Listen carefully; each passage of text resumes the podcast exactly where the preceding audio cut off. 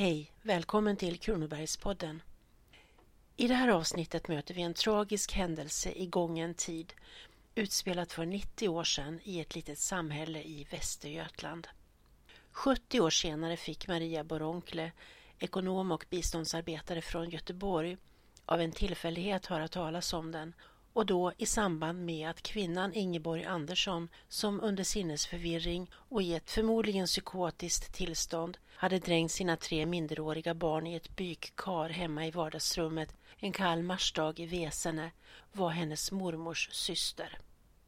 Hon hade aldrig tidigare hört talas om att denna gamla kvinna som hon mindes så väl och som under många år bodde hemma hos hennes mormor och morfar och som dog när Maria själv var 13 år gammal någonsin hade varit gift eller haft barn.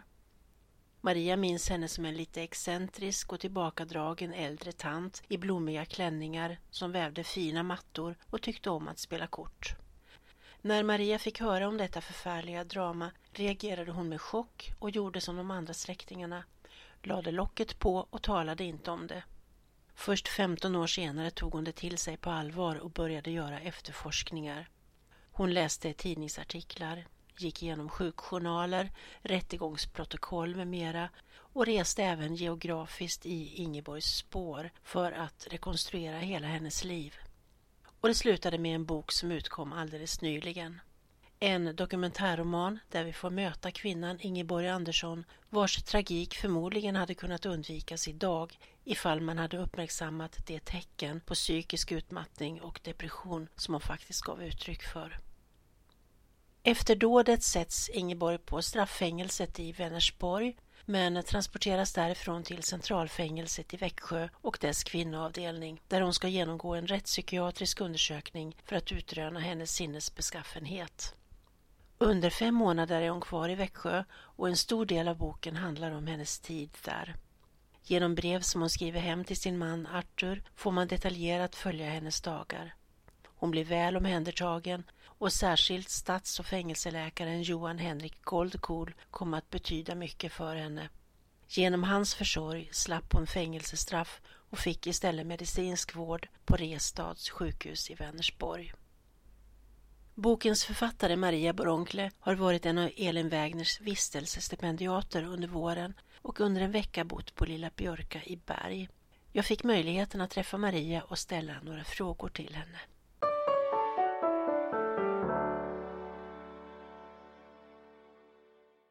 Du fick helt överraskande veta om din släkts hemlighet för 20 år sedan. Hemligheten om att din mormors syster dödade sina tre barn. Sen gick det ytterligare 15 år innan du tog den till dig och beslöt dig för att lyfta upp den till ytan. Och resultatet blev så småningom en bok.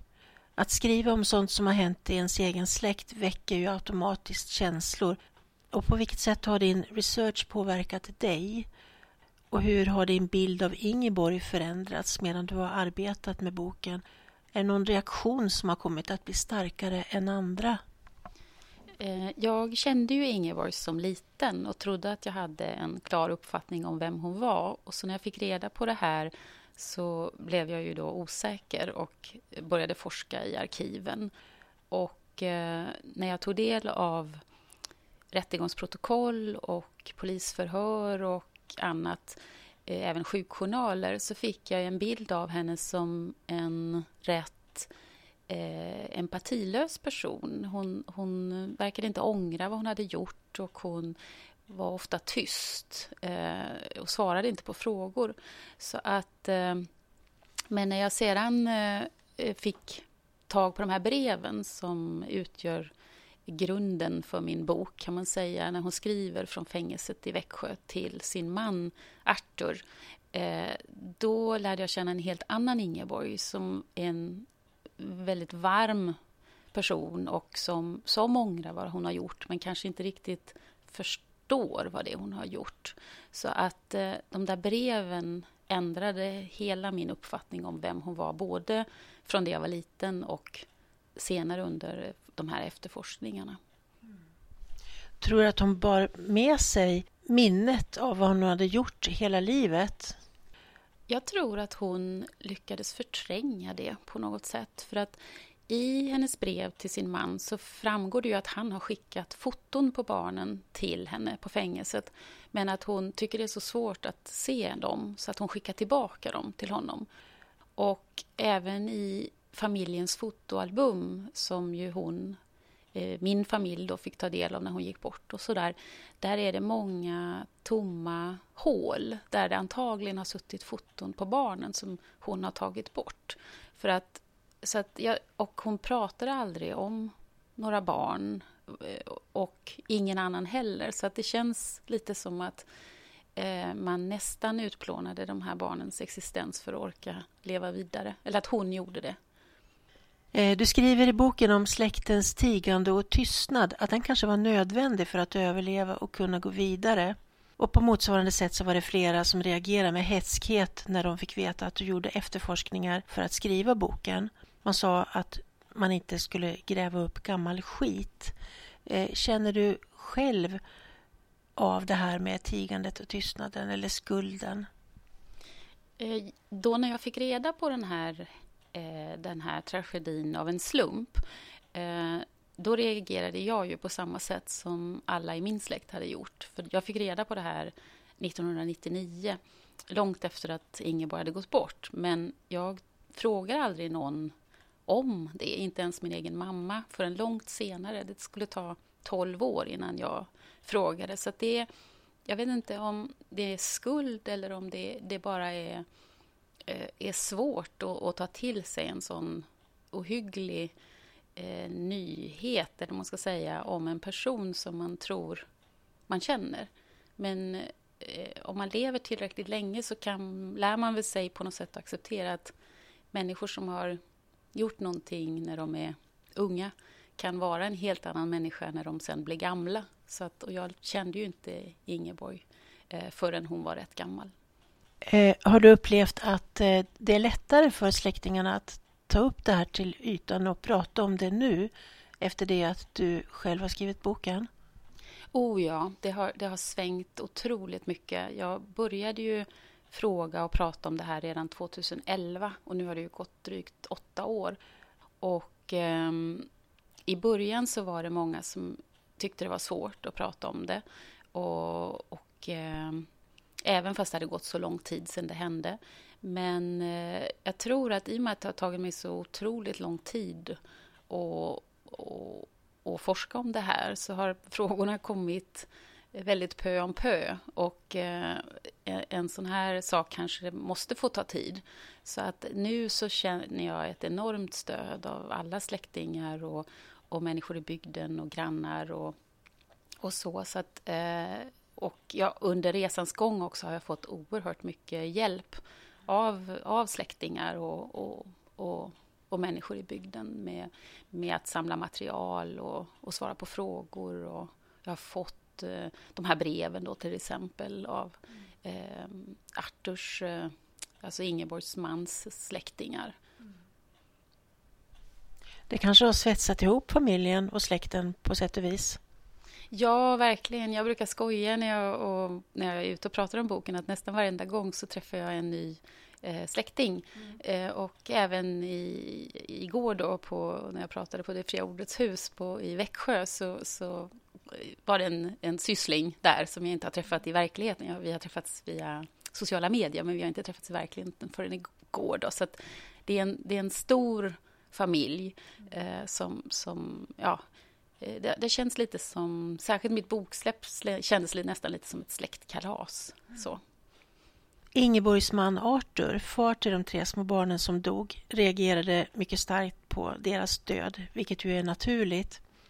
Han förmådde inte återvända till sin hustru när hon blev friskförklarad och utskriven från vårdhospitalet och han dolde också deras gravsten genom att gräva ner den. Och först i maj 2016, för bara några år sedan, kom stenen åter på plats. Var det ditt initiativ att det skedde? Det var ju någonting som jag ville med den här boken från början. Nu, nu blev det ju en bok om Ingeborg och hennes historia på något sätt eftersom jag eh, förstod henne så bra genom breven. Men från början var det ju en, en av drivkrafterna från mig var ju att jag ville på något sätt återupprätta de här tre döda barnens existens. Det var ju ändå min mammas kusiner och eh, flickan som dog var lika gammal som min mamma. Eller skulle ha varit lika gammal som min mamma då. De föddes samma år. Eh, så att eh, det var ett reportage i Hems Journal i 2016 och jag blev då kontaktad av en släkting till eh, Artur, eh, Ingeborgs man, som hade läst eh, artikeln. Och eh, det var genom hennes hjälp då som, eh, som gravstenen eh, och kom upp till ytan och även eh, kyrkvaktmästaren i, i Vesene, i den här socknen då, där, där det hände. Så det var tack vare dem som den kom upp. Jag blev förstås väldigt glad och, och lättad över att, att gravstenen kom upp till slut. För det var ju ett av mina mål med det här arbetet innan jag ens hade tänkt att det skulle bli en bok. Eh, att, att, eh, att man skulle erkänna att de här tre barnen hade, faktiskt hade funnits. Så då fick de på sätt och vis upprättelse till sist? Ja, precis. Och nu berättade jag var i, i Vesene för inte så länge sedan så berättade mm, kyrkvaktmästaren att det är fler personer som har börjat komma till kyrkogården eh, för att den här gravstenen då har, barnens gravsten har fått upprättelse och eh, eh ja, man lägger blommor på deras grav och sådär och det känns ju väldigt fint. I början av 1950-talet slog psykofarmaka igenom på bred front som behandling inom mentalvården. Tidigare hade fokus legat på fysiskt arbete, studier, självrannsakan, frisk luft och med tonvikt på en god fysisk och psykisk hälsa vid utskrivningen. Och jag tänkte personligen på vilka moderna tankegångar som, som fanns relativt tidigt inom både mentalvård och fängelsevård. Alltifrån slutet av 1800-talet då nya och mer humanistiska tankar fick fäste inom vården. På kvinnofängelset värnade man om de intagnas integritet och anonymitet. Till exempel hade de ju huvor på sig när de gick från järnvägsstationen genom centrum upp till fängelset för att ingen skulle se hur de såg ut. Och under gemensamma aktiviteter satt de intagna så att de inte kunde se varandra.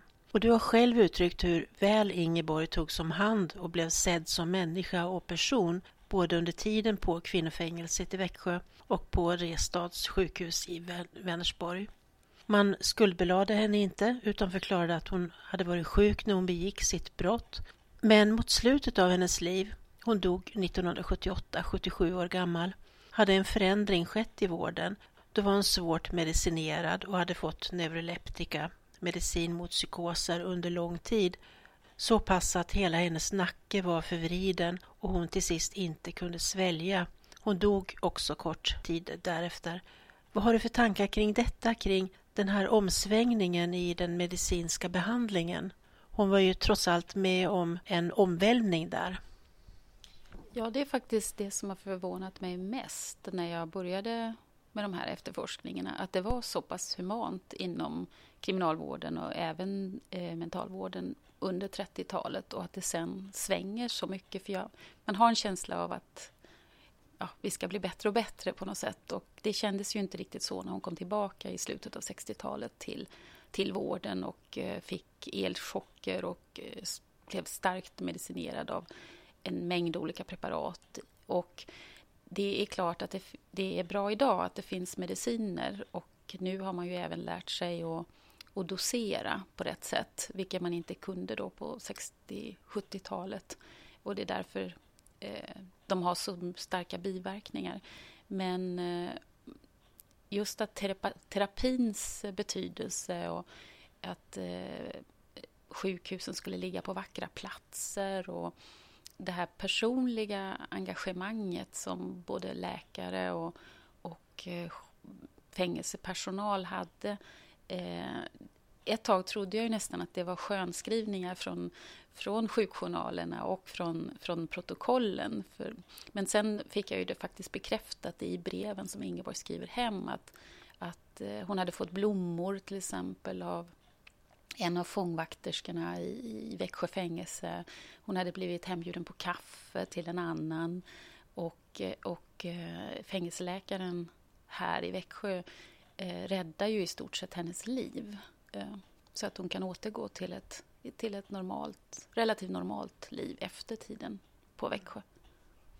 Han skrev ju också ett brev till hennes man efteråt. Ja, och eh, men, han var hela tiden av åsikten att, att, som du sa tidigare, att Ingeborg var sjuk när det här hände och att hon bär inte ensam skulden utan hennes omgivning eh, kanske också borde ha reagerat på att, att, hon, att hon blev så inbunden och tyst och, och, och folkskygg då som det står i sjukjournalen. Att, att man kanske borde ha sett till att hon fick hjälp. Men å andra sidan eh, så fanns det ju inte så mycket kunskap då om psykisk sjukdom och ohälsa så att man letade fysiska orsaker istället och, och, och eh, Ingeborg ville inte själv gå till läkaren. Så att eh, det, det är svårt att se hur det hade kunnat eh, undvikas. Mm. För det är ju inte rätt att skuldbelägga familjen och, och mannen heller. Men...